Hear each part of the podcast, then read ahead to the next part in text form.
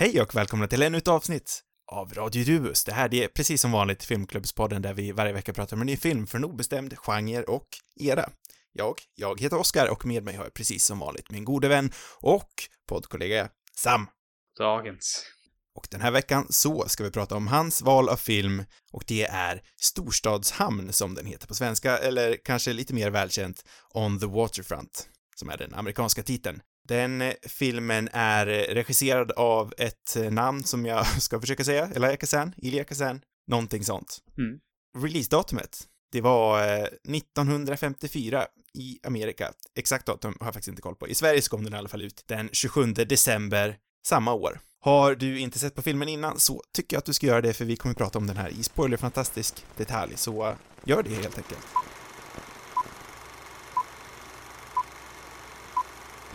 Sam, kan inte du, precis som vanligt, eftersom det här var ditt val av film, förklara vad den här filmen handlar om? Ja, det kan jag väl göra. Det är, varenda gång du frågar mig så känner jag liksom för att inte välja film någon mer gång, men jag, ska, jag ska göra det även den här gången. Eh, det här är filmen om eh, Terry Malloy eh, som spelas av Marlon Brando. Han är en ung hamnarbetare i New York. Eller jag tror, är det New York eller är det New Jersey? Jag vet inte. Filmen är inspelad i New Jersey tror jag. Jag har gått omkring i samma tankegångar. Jag tror att det är New Jersey. Men mm. jag vill säga att det är New York, men jag tror att det är New Jersey. Alltså inspelningsplatsen har jag läst mig till på IMDB i alla fall ska vara New Jersey. De kanske, det kanske ska föreställa New York. Dålig koll faktiskt. Ja. Vi börjar starkt. Ja, precis. Ja, i alla fall, Terry Malloy. Han, har, han får väl lite problem kan man väl säga med den här otroligt hårda fackföreningen som håller till här kring, eller som är liksom involverade i det här hamnarbetet. De är väl rätt korrupta helt enkelt och... Ska vi sätta kaninöron över fackförening kanske? Ja, det, det är nog mycket lämpligt. Otroligt korrupta eh, fackpampar är det handlar om. Och eh, den här Terry har också en, sin, hans storebror som jag tror han känner sig rätt sviken av. Han är en av de, de stora namnen bland de här. Eh, så när, när liksom Terry börjar känna att han inte riktigt kan stå bakom eller han får problem med de här facket så uppstår det ju problem va? Jag är med dig. Du är med mig fortfarande? Ja, bra. Det är väl det! Där! Ja. Vill vi ha mer? Vi vill inte ha mer. Så, det var klart. Vi nöjer oss där.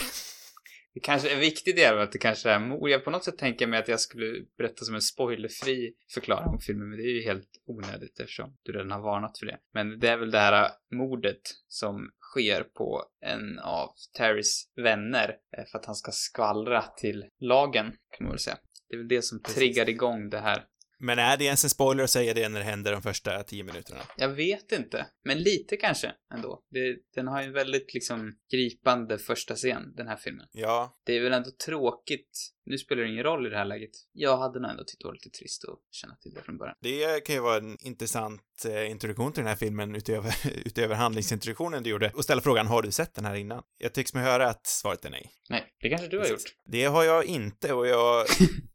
Fan, du lägger upp det som att, som att jag, som att du hade kunnat bara, om inte jag hade frågat hade du kunnat fått att låta där, som att du inte hade, eller som att du hade gjort det. Det jag ville komma in på är att jag har inte heller sett den här filmen och eh, jag vet ju ingenting, eller visste ingenting om den utöver det här uh, I could have been a contender. För mm. det tror jag att de flesta vet om. Ja, kanske. Jag vet inte om jag visste om det, men... Eller jag visste inte om det, så, så de flesta kanske. Ja. ja det, det beror, okej, okay, de flesta i cineastiska sammanhang tänker jag ändå hört talas om I could have been a contender. Ja, jag räknar mig inte riktigt till cineaster, för det, det, jag skulle aldrig vilja ta det i min, min mun. Det känns som att det blir så mycket press då, så ja. jag som icke-cineast kan. Vet du vad Sam, jag skulle faktiskt kalla dig för en cineast. Oj, vilken hedring, tror jag. Ja. Ja, det känns fint. Jag visste ju ingenting alls om den här filmen, även fast det ändå är en så pass eh, välkänd film som det är. Mm. Eh, den har ju verkligen liksom gett sig in i filmlexikonet. Mm. I, i, enligt mig i alla fall, men jag kanske tänker fel då. För jag tänkte ju som sagt att alla visste om I could have been a contender, men jag har, så är kanske inte fallet där. Jag vet inte. Det jag har, kan jag ha dålig, dålig koll på väldigt uppenbara grejer också. Men alltså, det är ju väldigt, det är ju en väldigt klassisk film, så att... Den eh, är ju också väldigt, eh, inte bara liksom att det är en väldigt, väldigt bra story, så är den ju också väldigt känd liksom för bakgrunds, eh, bakgrundsskeendena. Alltså det är ju en, eh, en, ska vi kalla det för kontroversiell regissör? Jag vet inte riktigt om det stämmer in kanske, men han är ju i alla fall anmärkningsvärd i filmhistorien. Ja, tycker ändå att han, framför, eller definitivt kan ses som en kontroversiell regissör. Kanske inte, eller ja, både för filmerna han gjorde, kanske inte lika mycket dock som det rent politiska, som han är, det är väl det man ser honom som framförallt kontroversiell. Vi kan väl gå in redan på det här nu när det väl kom på tal, att eh, Elia Kazan är som sagt, vi kallar det för en kontroversiell regissör, som eh, blev eh, svartmärkt, eller vad ska man kalla det för? Ökänd, kanske, är det rätta ordet. På grund av kommunistiska kopplingar, va? Nej, eller ja, nej, det är inte därför. Han är ju ökänd för att han, eller inte det bara, utan för att, snarare för att han angav andra Så är det. kommunistiska Precis. personligheter. Han var ju, han var väl liksom, han var med i det kommunistiska partiet typ mellan 34 och 36. Men han hade väl efter det ingen riktig sån beröring med partiet. Men han, han var ju i kretsar där det förekom folk eh, som hade kommunistiska idéer som han senare då angav. Man kanske ska dra liksom bakgrunden till, till alltihopa. Det handlar ju om den här ökända blacklisten som fanns i Hollywood på, ja, 40 och 50-talet som helt enkelt skapades på något vis tror jag av UAC eller House of Un-American Activities Committee och de skulle liksom undersöka olojala medborgare, man ska säga, som hade antingen fascistiska eller kommunistiska anknytningar på något vis. Eh, och detta gjorde ju att de gav sig liksom in och började se över de som jobbade i Hollywood på den här tiden och som de tyckte till exempel gjorde kanske propaganda för, för kommunismen eller för Sovjet och så vidare. Detta gjorde då att många inom branschen inte fick några mer jobb efter det här. Så när Laia själv liksom bestämde sig till slut eller gick med på att ange folk så blev inte han jätteuppskattad. Det är väl det som är, det är därför han är så ökänd. För mig är det ju väldigt, det känns som en matnyttig diskussion där, för man har ju hört talas om de här berättelserna mm. och allt som skedde med eh, kommunistiska kopplingar i Hollywood. Men jag har liksom aldrig riktigt ansträngt mig för att memorera det här, för det känns som ett så pass välutforskat område. Mm. Så när jag själv gick i skolan till exempel så det kändes aldrig riktigt värt att ge sig in i det just eftersom så många andra hade gjort det innan och då har det liksom bara blivit sånt där. Det har blivit ett årtionde som egentligen bara har gått mig förbi. Mm. Ja, det är otroligt spännande ändå. Det, egentligen så är det ju det. Eh, så för mig kommer det här liksom bli, för du har ju läst på lite om det här den här veckan, så för mig kommer det bli en matnyttig lektion du kommer ge mig. Mm. Förhoppningsvis. Jag hoppas det.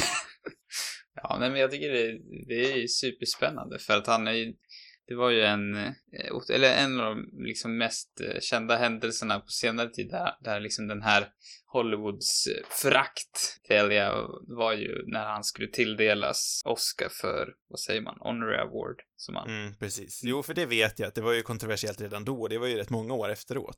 Ja, men precis. Det var 99 och då var det, det var väldigt många skådespelare som vägrade att applådera i någon sorts protest. Ja. Men det bakgrunden var i alla fall det här att han, att han angav också sina gamla vänner.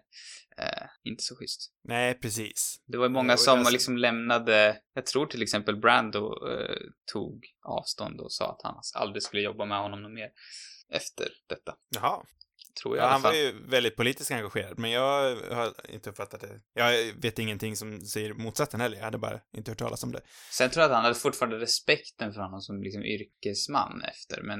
Jo, för det är så jag tolkat det. Jag har, jag har bara läst goda saker han har sagt om Kazan i efterhand så. Det kanske inte heller var liksom, eh, det kanske inte var vidare praktiskt heller eh, för, för karriären att liksom, ja, överhuvudtaget beblanda sig med det där, kan jag tänka mig.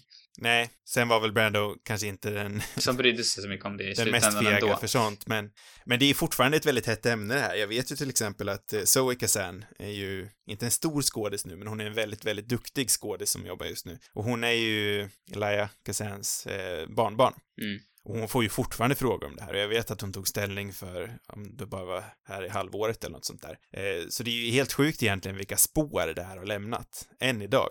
Mm. Ja, verkligen.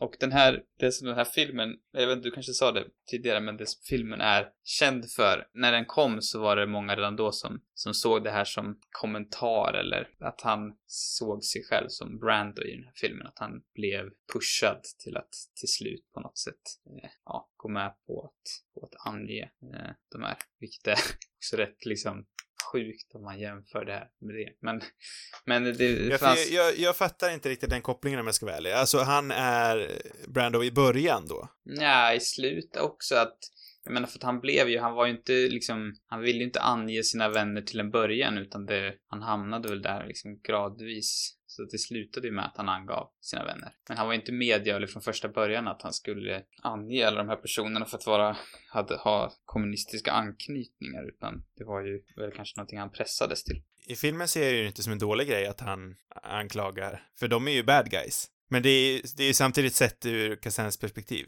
Ja, ja men precis. Det är ju förstås inte exakta, men han har även erkänt senare, även om han inte gjorde det då, att, att det var en, en, liksom, någon sorts kommentar på det hela. För jag menar, vad ska man säga, om man ser det från UX, alltså den här organisationens perspektiv och statens perspektiv, så var ju, så var ju de här kommunisterna the bad guys också, så det, jag menar, det beror på hur man ser på det. Det handlar ju helt och hållet om perspektiv, men för jag är väl inte kontroversiell när jag säger att de är skurkar, de som han namnger i slutet. Jaha, nej, du menar i filmen nu? Ja, men precis. Ja, jag, jag, är väl inte kontroversiell om jag säger att Johnny Friendly är en skurk. Verkligen inte. Det tror jag att Kazan också håller med Det hoppas det tror jag. Det tror jag tanken var.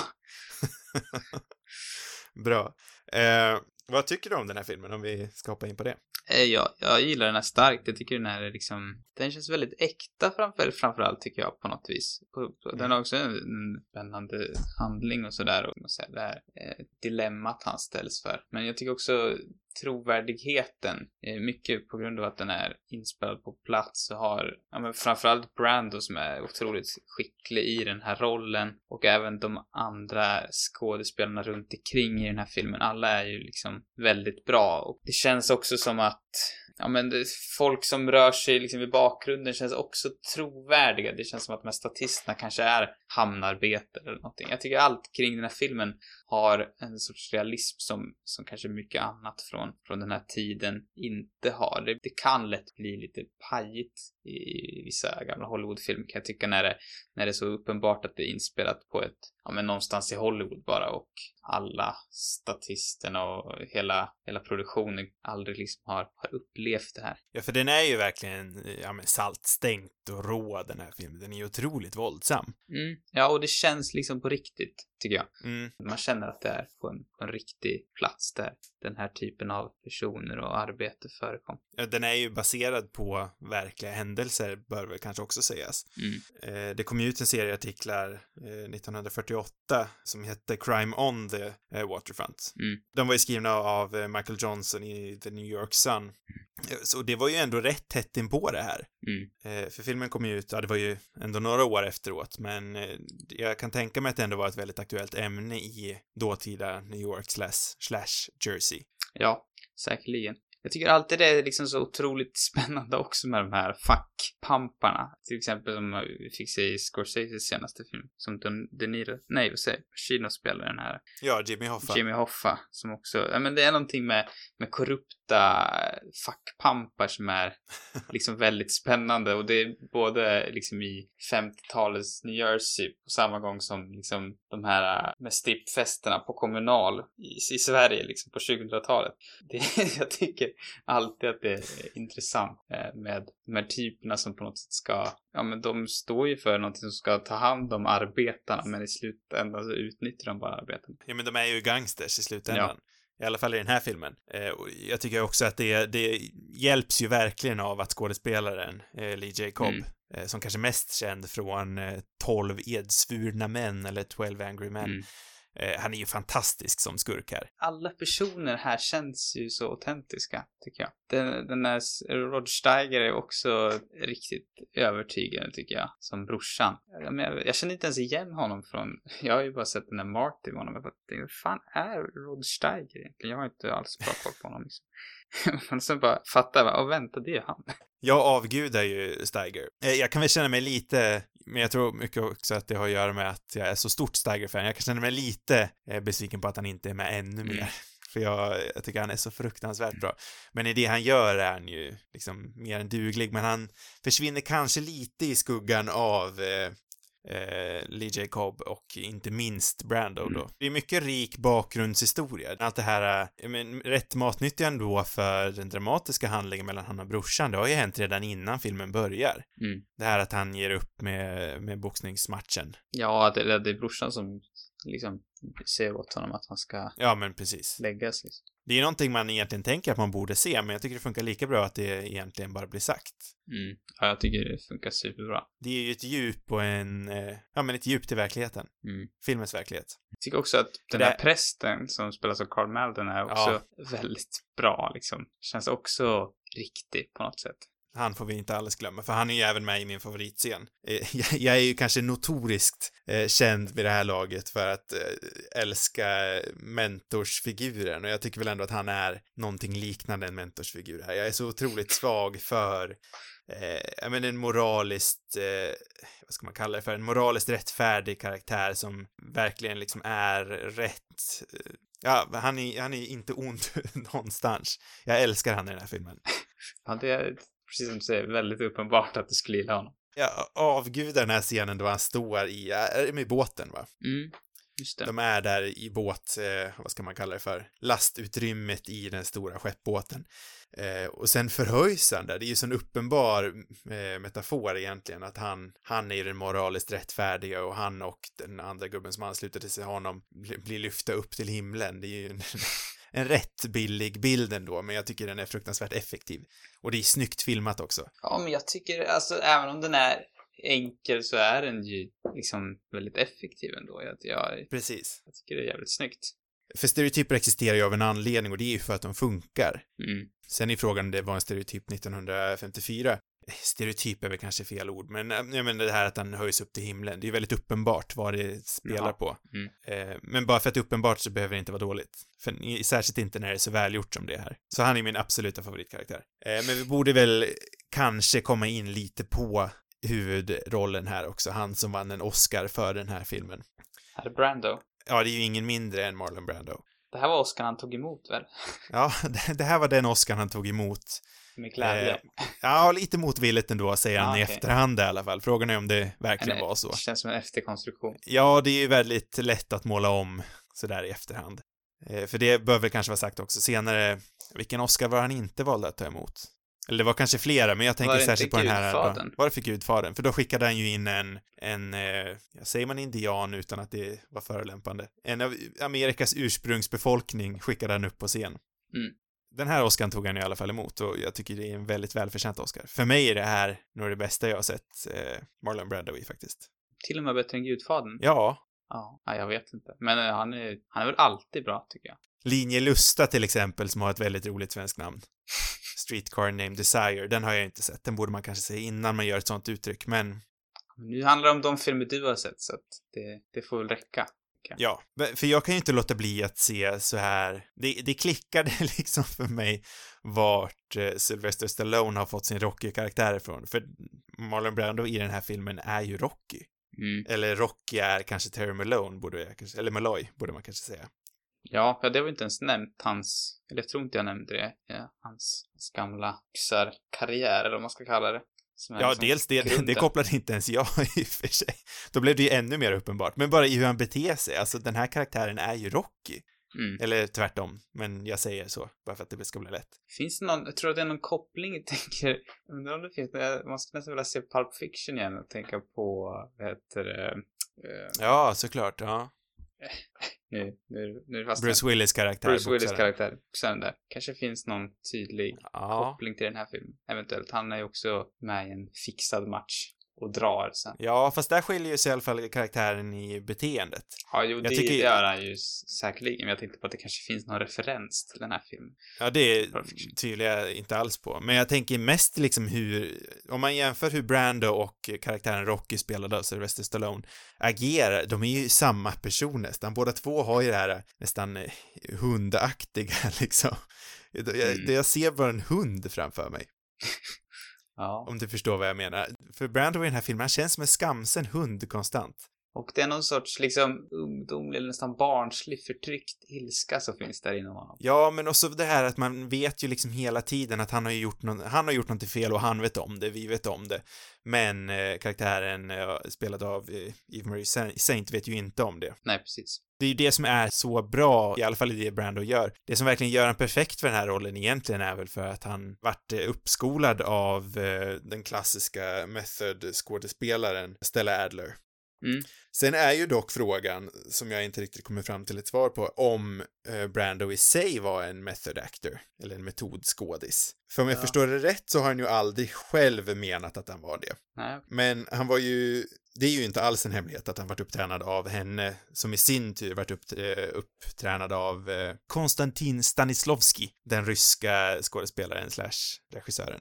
Det är väl I han som Paris- ses som den som har liksom utvecklat grunden till... Ja, han är väl liksom grundgrunden. Sen så var ju Stella Adler den som tog det till New York och som i sin tur förde det vidare till ett flertal, alltså det har ju gått ända ner till Mark Ruffalo, nu vet jag blev upptränad på, inte av Adler tror jag, men i alla fall på den skolan. Eh, vi har ju Dustin Hoffman, vi har, eh, ja, alla de där. Vad är den heter? Den heter... Den är skolan, tänker jag. Ja, Stella Adler Academy finns det ju någon som heter. Nu är det någon annan. För att grejen är den att, eh, att Kazan var ju också kopplat till, eh, till det på något vis. Alltså, han var ju med och grundade... Vi har ju Lee Strasberg också, om det är han du tänker på. Nej, inte jag ska kolla på det. Eh, för, men Lycasson var ju med och grundade Actors Studio. Som, Vem då sa du? ja, Kazan var med och, Jaha, och grundade Actors det Studio. visste inte jag. Han var en av medgrundarna. Ja, Okej. Eh, Eh, och de, i den studien, jag säga, så applicerade de eh, ju method acting med hjälp av, eller ja, med hjälp av Lee Strasberg. Så att han, han var ju själv, eh, sen var ju också involverad i, jag vet inte om han, han utvecklade det själv, men han var ju liksom, han var ju i de, i de där krokarna, eller bland de där Exakt eh, personerna. Också inom, jag vet inte, det är The Group Theater som han liksom, som då kallades, som han var ett teaterkollektiv som han var med i innan. Eh, Ja, för Adler Studio. var ju också med i The Group Theater. Ja, men precis. Så där var ju de liksom kopplade, så kan man ju säga. Ja, för nu, jag sa ju Dustin Hoffman där, undrar om Hoffman var en Strasberg-student egentligen. Ja, jag tror det. Eh, men Brando var ju en Adler-student och de andra var ju, jag har ju en lista här på lite folk som var med. Mm. Eh, ja, men Brando, Vincent D'Onofrio, Mark Ruffalo, Warren Beatty, eh, ja, Martin Sheen, massa stora kändisar. Och det är det roliga med det många av de där, alltså Warren Beatty som du säger var ju, han nådde väl sin, sitt genomslag tack vare Kazan och lika med James Dean också, tror jag väl. Mm, Eh, jag vet inte, James Dean ses han också som en method actor? det vet jag faktiskt inte. Känns nästan som han borde, men jag vet ingenting om honom typ. Men... Nej, inte jag heller. Jag, återigen, det här är den där tiden jag liksom aldrig riktigt gett mig in på. Nej, Som man kanske borde ha koll på. Jag har faktiskt aldrig sett en enda James Dean-film. inte jag heller. Ehm, Men det bör kanske sägas också, nu när vi snackar så mycket om method acting, vad det egentligen är. Och det är ju egentligen lite svårt att definiera. Jag kollade på en dokumentär här från eh, Turner Classic Movies som gjorde någon slags biografi om Marlon Brando för några år sedan och där hade de ju flera sådana här method-storpampar med sig, eh, bland dem Pacino. Men allihopa har ju egentligen rätt svårt att definiera vad eh, method acting är för någonting, eller hur man ens ska liksom förklara hur man ger sig in i det. Eh, men för att väldigt enkelt uttrycka det så är det väl egentligen att, att ge sig in väldigt emotionellt och internt i en roll, att verkligen, att leva rollen kan vi väl säga mhm. Man, man börjar inte skådespela när man står framför scen, framför kameran och de ropar action, utan man är liksom rollen, i rollen redan innan det. Och det är väl någonstans där vi lite lätt kan definiera method-skådespel. Det känns som också som att flera har olika liksom tolkningar av det. För vi har ju typ eh, ja, men vissa som lever sig under en lång period. Eh, Dustin Hoffman. ja, Dustin Hoffman till exempel, eller Danny Day-Lewis på senare år. Eller ja, senare år och senare år, men eh, vad finns det mer? för- Jag vet inte, Heath Ledger känns som att han också kanske var en, eller nej, det kanske han inte alls var. Ja, de sa väl det, jag vet inte om... Ja, det finns i alla fall vissa som tror att man, eller som ser det mer som att man, när man går till jobbet, att det är då man liksom går in i det där. Och andra lever hela sina, ja men under en väldigt lång period som en helt annan person, eller vad man ska säga. Så det finns ju Mm. olika tolkningar av method acting också. Mm.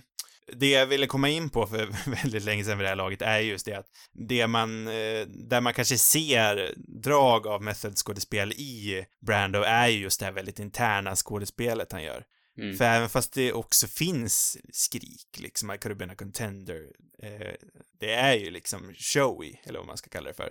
Mm. Eh, men det är ju väldigt internt. Det är ju så mycket han förmedlar genom ögonen, tycker jag. Ja. Eh, och då, då går man ju också, det finns ju ett uttryck, puppy dog eyes. De här sorgsna ögonen, sorgsna skamsna ögonen.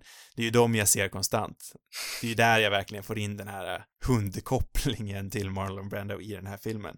Ja, eh, Kazan jobbade ju också väldigt mycket, han var ju känd för att jobba med, med den här typen av, av skådespel och eh, också känd för att testa liksom helt okända skådisar. Mm. Ehm, och det fanns ett exempel på, eller som han snackade i någon intervju jag såg där, han pratade om en scen liksom som, ja men var, eller som en tydlig liksom symbol för hur han arbetade och det var den här scenen när eh, Brando, eller Malloy, eh, jag vet inte om, han går och pratar med, eh, vad heter eh, Eddie heter ju i filmen, Eva Marie Saints karaktär i alla fall. Mm. Och hon tappar en vante eh, som, som Brando därefter plockar upp och eh, så här börjar så greja med typ och Ja, ta på sig och... Ja, men precis. Som blir liksom väldigt viktig betydelse eh, undermedvetet.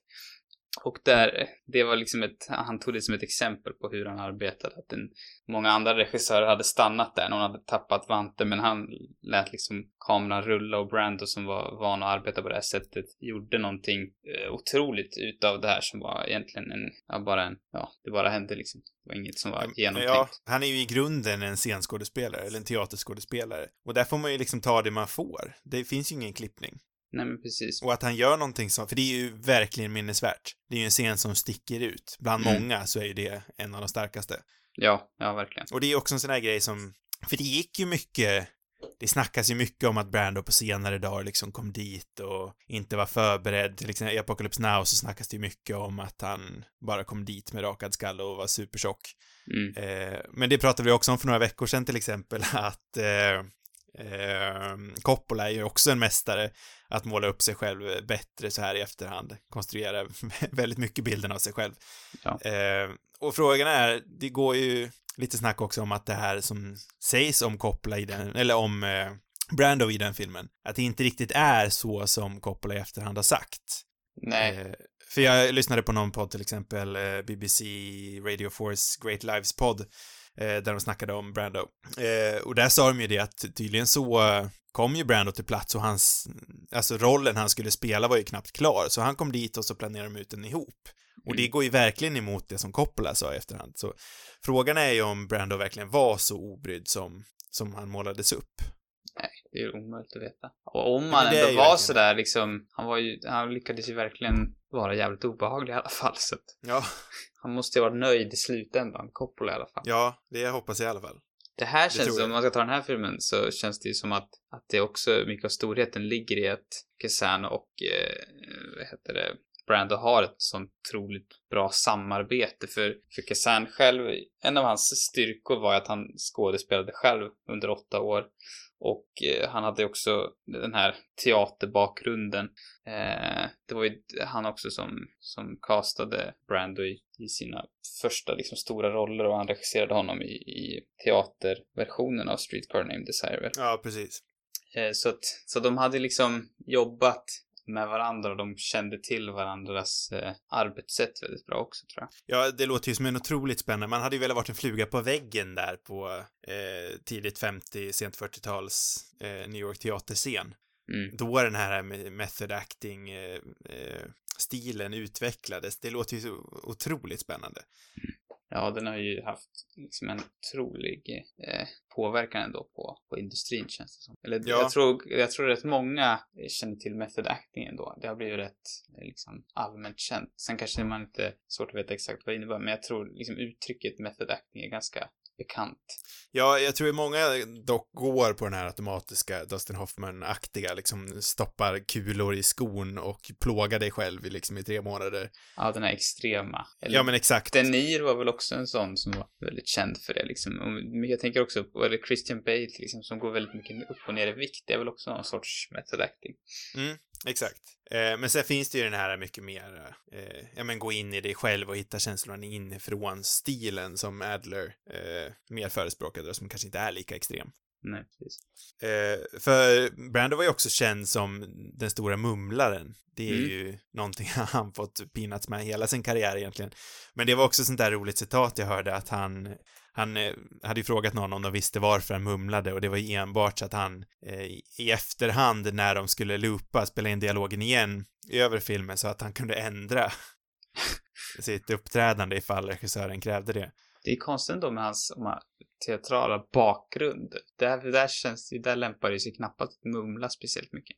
Nej, men det, just det där citatet känns ju också som en sån där grej som man bara säger efteråt för att få sig själv att verka bättre. Det är mycket efterkonstruktion med de här äh, storpamparna. Ja, Man lär ju ta allting med en nypa salt innan man liksom verkligen tar allt som sanning egentligen. För det är mycket motsägelser och den ena säger något, den andra säger en annan sak och någonstans där i mitten finns ju säkert sanningen. Mm, säkerligen. För Brando var ju, man kan väl kalla honom för en liten kufisk karaktär. Han var ju skum egentligen. Mm. Och i en av de här tidigare teaterpjäserna han gjorde så var han ju, han var tydligen så fruktansvärt obekväm så man hörde ju knappt vad han sa nu som du säger. Han mumlade ju så otroligt och höll liksom händerna för munnen och, eh, men till slut så släppte det där och han liksom brast ut det. Till slut hittade han sig själv internt i det här eh, skådespelet. Mm. Och då var det någonting som bara brast ut och han var ju, var och är fortfarande känd som en av de bästa någonsin. Hade han, han hade väl ganska liksom, kommer från en ganska tuff bakgrund också. Mm. Eh, verkligen. Hans eh, föräldrar kom ju, kom ju inte direkt överens med honom, eller tvärtom. Hans pappa verkar ha varit en riktig översittare. Mm. Men han hade ganska fattigt har jag fått för mig också, eller är det fel? Ja, jag tror det. Det, det, känns, det känns också som, jag tror han gillade att hitta de här liksom lite, de som kanske hade någonting av det där redan i sig. Att de här lite sköra personerna som hade något mörker bakom sig. Mm. Och det, Ja, det- passade väl sig säkert bra till, till hans filmer som var väldigt eh, mycket om, ja men social realism och så vidare. Liksom hur det här hårda samhället. Ja, som den här filmen ja, alltså, förmedlar. de starkaste ögonblickarna jag kan tänka på med eh, Brando, det är ju de här plötsliga liksom utbrytandena av eh, smärta eller nästintill gråt. Jag Mm. tänker då, I could have been a contender, eller när i Gudfadern när han brister ut My boy, my boy, what have they done to my boy, eller något sånt där skriker han ju. Det blir också sån kontrast mot resten av hans skådespeleri. Jag tror det är därför mycket att det blir så starkt. När, Ja, precis. För det blir alltid så oväntat när det kommer. Han är, som han är den här ganska lågmälda. Man väntar sig inte att, att det ska hända riktigt. Nej, precis. Och det är ju som sagt det som är, ja men det briljanta han någonstans hittade. Mm. Eh, sen var det ju här i mitt i liksom, det här var den sjätte filmen på rak han gjorde som så här i efterhand anses vara bland de bästa någonsin. Eh, det började ju med, eh, med Männen, sen var det Linje Lusta eller Streetcar Desire, sen var det Viva Zapata, Julius Caesar, eh, Vild ungdom och så till slut eh, Storstadshamn. Vad heter vild City- ungdom på engelska för någonting? Eh, vad kan den heta? Wild någonting? Nej, Ibland blir man så här, jag blir så ställd ibland av de här, de svenska namnen. Man har liksom, eller jag har inte hört, hört så många dem som man, vad fan är det där? Han hade hört, heter, det är ju den här när han sitter på en motorcykel så har han en sån här eh, läderkeps på sig typ. Ja, just ja, den är ju verkligen The Wild One heter den. Mm. Det är ju en klassisk bild i alla fall. Eh, och jag tror de där sex filmerna verkligen cementerade han som eh, den storpampen i skådespelarvärlden som han är än idag. Han hade inte behövt jobba mer än efter det. Nej, men nästan inte. Och han gjorde, Sen väl gjorde han ju det då. Men- mycket, han gjorde väl en del dåligt sen också. Ja, det, om jag förstår det rätt så var väl 60-talet kanske inte den mest lukrativa perioden för honom. Eller jag tror har väl att hört filmerna att han var liksom, han var ju, när han skulle, eller det kanske vi pratade om för någon vecka sedan, men att när Coppola skulle vilja ha honom som i, i Gudfadern som Corleone så var ju, då var liksom Brando rätt ute. Det var ingen som ville jobba med honom längre utan studiosarna såg ju honom som, eh, som ett gift nästan. Hade man Brando med så gick inte filmen bra typ. Han hade gjort flera rätt eh, misslyckade produktioner, eller som i alla fall rent ekonomiskt. Ja, fast var det det? Jag har hört någonting om att filmerna, att filmerna kanske inte var så bra, men att de i alla fall tjänade mycket pengar. Mhm. Ja, Så uppfattar jag det i alla fall. Jag vet inte, vi kanske har olika källor. Ja, jag, jag, det här kom återigen från den där BBC-podden jag lyssnade på. Ja, du har det lite färskare. Jag lyssnade på någon eh, av eh, You Must Remember This för några veckor sedan om Brando, Mm. men det, ja, jag kommer inte ihåg. Det kanske, det kanske var det. Men det var, det var någonting, han var inte, han var liksom inte riktigt, inte enligt henne så var han inte riktigt het då i alla fall. Kvaliteten på filmerna var ju inte den bästa i alla fall. Det var ju, ja, han hade gjort en del floppar kvalitetsmässigt. Sen är frågan om de tjänade bra eller inte. Det har vi tydligen olika källor på, men Mm. det vart ju i alla fall ett enormt både kritiskt och eh, ekonomiskt genomslag igen när han varit med i Gudfadern. Mhm. Eh, filmen i sig, har vi pratat så mycket om den? Inte så mycket, det är så otroligt mycket spännande runt omkring den tycker jag. Ja, eh, jag nämnde ju min favoritscen. Har du någon som sticker ut för dig sådär extra mycket? Vänta, vilken var ens din favoritscen? Nu har jag glömt bort det. Var det prästen? Det var ju den här med prällen när han står i ah, båt när i de lastutrymmet. kastar ägg på honom också. Det är Exakt. starkt. Det är så symboliskt på något, alltså det blir ju också, det är ju på något vis, och det känns som att det kanske var rätt kontroversiellt också på den tiden. Alltså, och redan, eller fortfarande nu kan jag känna att det finns ett väldigt liksom symbolvärde i det där. Att, att det är någon som kastar som rutten frukt på en präst. Det känns så Mhm. förbjudet. Det är ungefär som Mm. att skjuta i kyrkan eller någonting. Så att, Vilket de också gör. Ja, det gör de också. Så och det är liksom, det förstärker den här bilden av de här gangsterna, hur liksom tveklösa de faktiskt är och hur liksom den makten de besitter. Mm. Men jag vet inte om det är min favorit. Jag gillar den där scenen med Vant, det kanske är tråkigt att säga, men det, jag tyckte den var, den är ju riktigt bra. Liksom att se Brando spela i den scenen tyckte jag var Mm. så imponerande. Av det jag, liksom jag är inte jätteberest i 50-talsfilmen, men det känns, man fattar ju varför han blev den stjärnan han blev. Han sticker ju ut bland många ändå. Han känns ju så mycket mer naturlig än många andra skådisar på den tiden. Ja, för även fast han också har, han har ju det här äh, pretty boy Hollywood-facet, men han känns ändå hemma. Ja, men han är lite, ja, jag tycker ändå han är lite, jag vet inte om jag tycker han har ett pretty boy. Alltså, det är någonting, ja men han är perfekt i den här, alltså, han är ju en pretty boy kanske, men han känns, det finns pretty boys även bland dem. Liksom, det finns ju överallt i samhället liksom. Han har Jo. ju, han har ju lidandet på något sätt också i sitt, i sitt utseende. Eh, Men för mitt typexempel på det där, om vi ska ta från en annan film vi har kollat på, det är Richard Gere i, eh, Days of Heaven tänker jag på. ja, i Days of Heaven. Jag, jag tycker, där är ju han för fin för att vara med i den filmen. Jag tycker han eh, passar inte riktigt hem i hur fin han är. Men här, jag tror att Bra- Brando var ju en, en heartthrob. Många gick ju, många gick igång på Brando, det ska vi inte skjuta under mattan. Han var väl en enorm sexsymbol på den tiden. En enorm sexsymbol. Kanske en ny tids också på något vis, känns det som. Alltså, jag har inte jättebra koll på det, men det också på den här tiden känns det som att vissa av de här gamla legenderna började bli gamla. Och kollar man på mycket filmer från den här tiden så är det ju väldigt mycket, alltså de kvinnliga skådespelarna är ju ofta betydligt yngre än männen. Det är de, så här Gregory Peck och, och Jamie Stewart och Humphrey Bogart, alla de där började ju bli liksom på åren, de började bli gubbar. Och, och när de ställdes mot de kvinnliga skådespelarna så, så blir det ju rätt obehagligt ändå. Men, men, men Brando, han är ju liksom, han är ju den nya generationen på något sätt.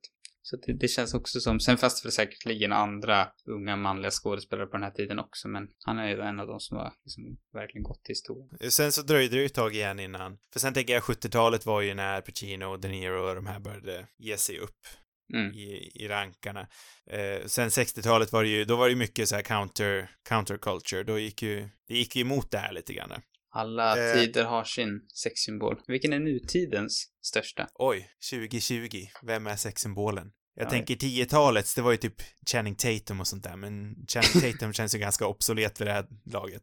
Ja, han känns inte, känns inte jätte... Vad hände med honom egentligen? Ja, vad hände med Channing Tatum? Det, sista jag kommer ihåg, det är ju, det är ju eh, Soderbergh-filmen.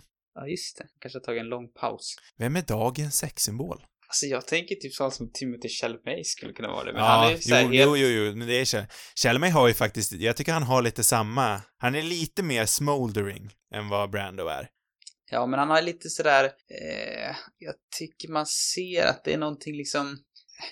det, man ser alltid att det är någonting som pågår i huvudet på honom. Alltså det här mm. tysta skådespeleriet. Han känns som att han går runt och liksom gnolar på något lite grann. Ja, men det är någonting internt. Mm. Sånt är ju alltid bra. Ja. Jo, jag men där, det, ett jag vet inte om det är bra liksom rent sexsymbolmässigt att gå runt och gnola på grejer, men, men han känns som, som, som kanske den 2020-talets Ja, det återstår väl att se. Han har ju haft en hel del hits fram tills nu, men... Han är väldigt olik ändå. Ja, men det tror jag att varje tids sexsymbol är. Ja, såklart. Jag tänker 90-talet, då var det väl ändå Brad Pitt, och Brad Pitt och Brando är ju inte direkt lika. Nej, definitivt inte. Den här romansen, du pratade ju lite om att din favoritscen utspelade sig lite i de svängarna i alla fall. Mm. Eh, känner du dig berörd av den? Köper du den? Ja, jag, nej. Det är väl kanske ett, en av, ett av problemen, jag kan tycka. Ja, det är väl den eh, liksom delen av filmen jag också känner mig minst berörd av. Jag känner inte riktigt att jag köper att, eller hennes så här, även om, även hur charmig Brando än är så köper jag kanske inte riktigt hennes intresse för honom. Det känns lite påtvingat nästan. Mm.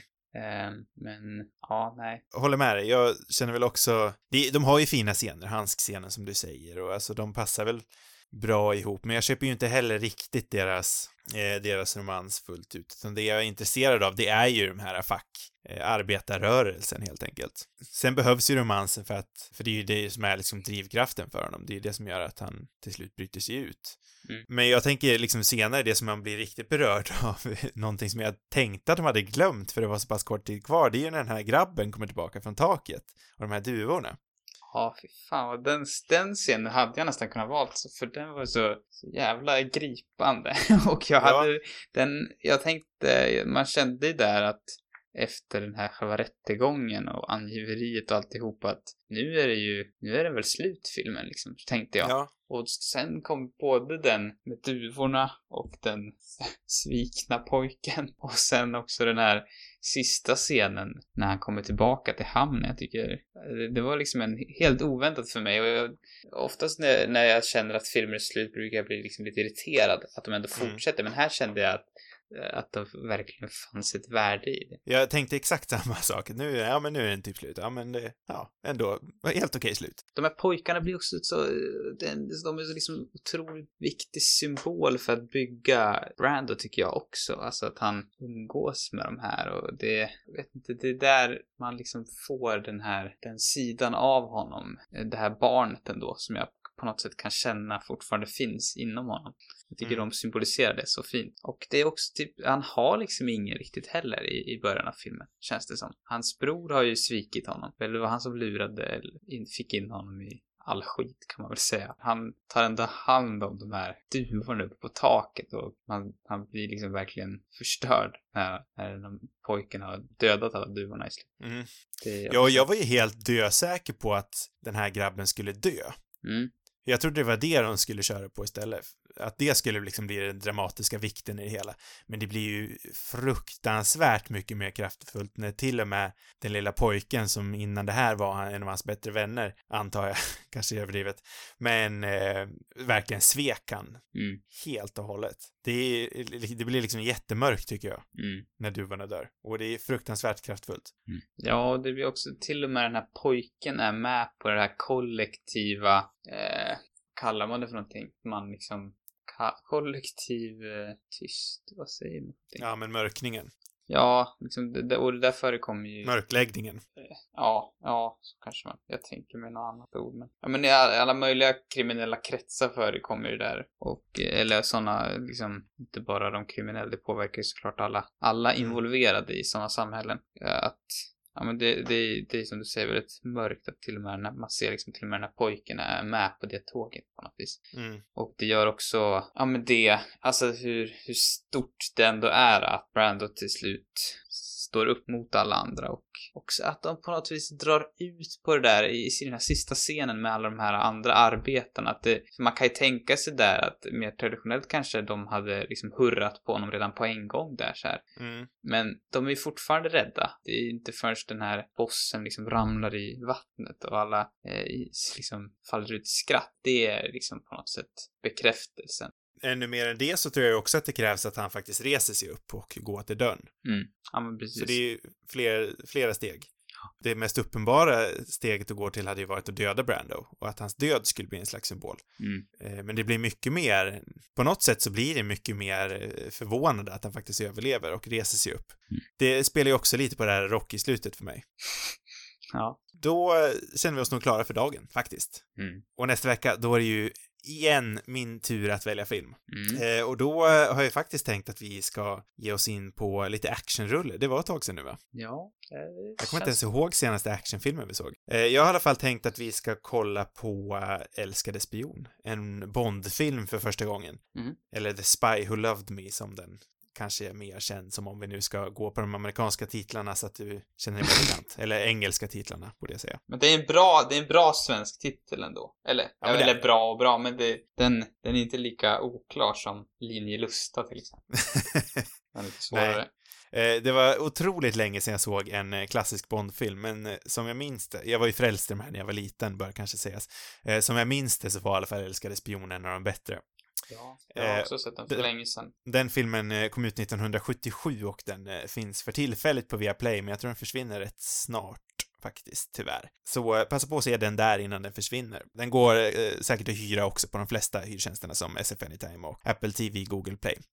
Flera avsnitt, de hittar ni precis som vanligt på cinemarubus.com. Där finns också de arkiverade avsnitten. Nyare avsnitt hittar ni på alla poddappar som Apple Podcast eller Spotify. Sociala medier, det har vi också. Där heter vi Cinemarubus på Instagram och Twitter. Har ni frågor och vill ha svar så skickar ni in dem till cinemarubus at gmail.com. God natt allihopa. Godnatt.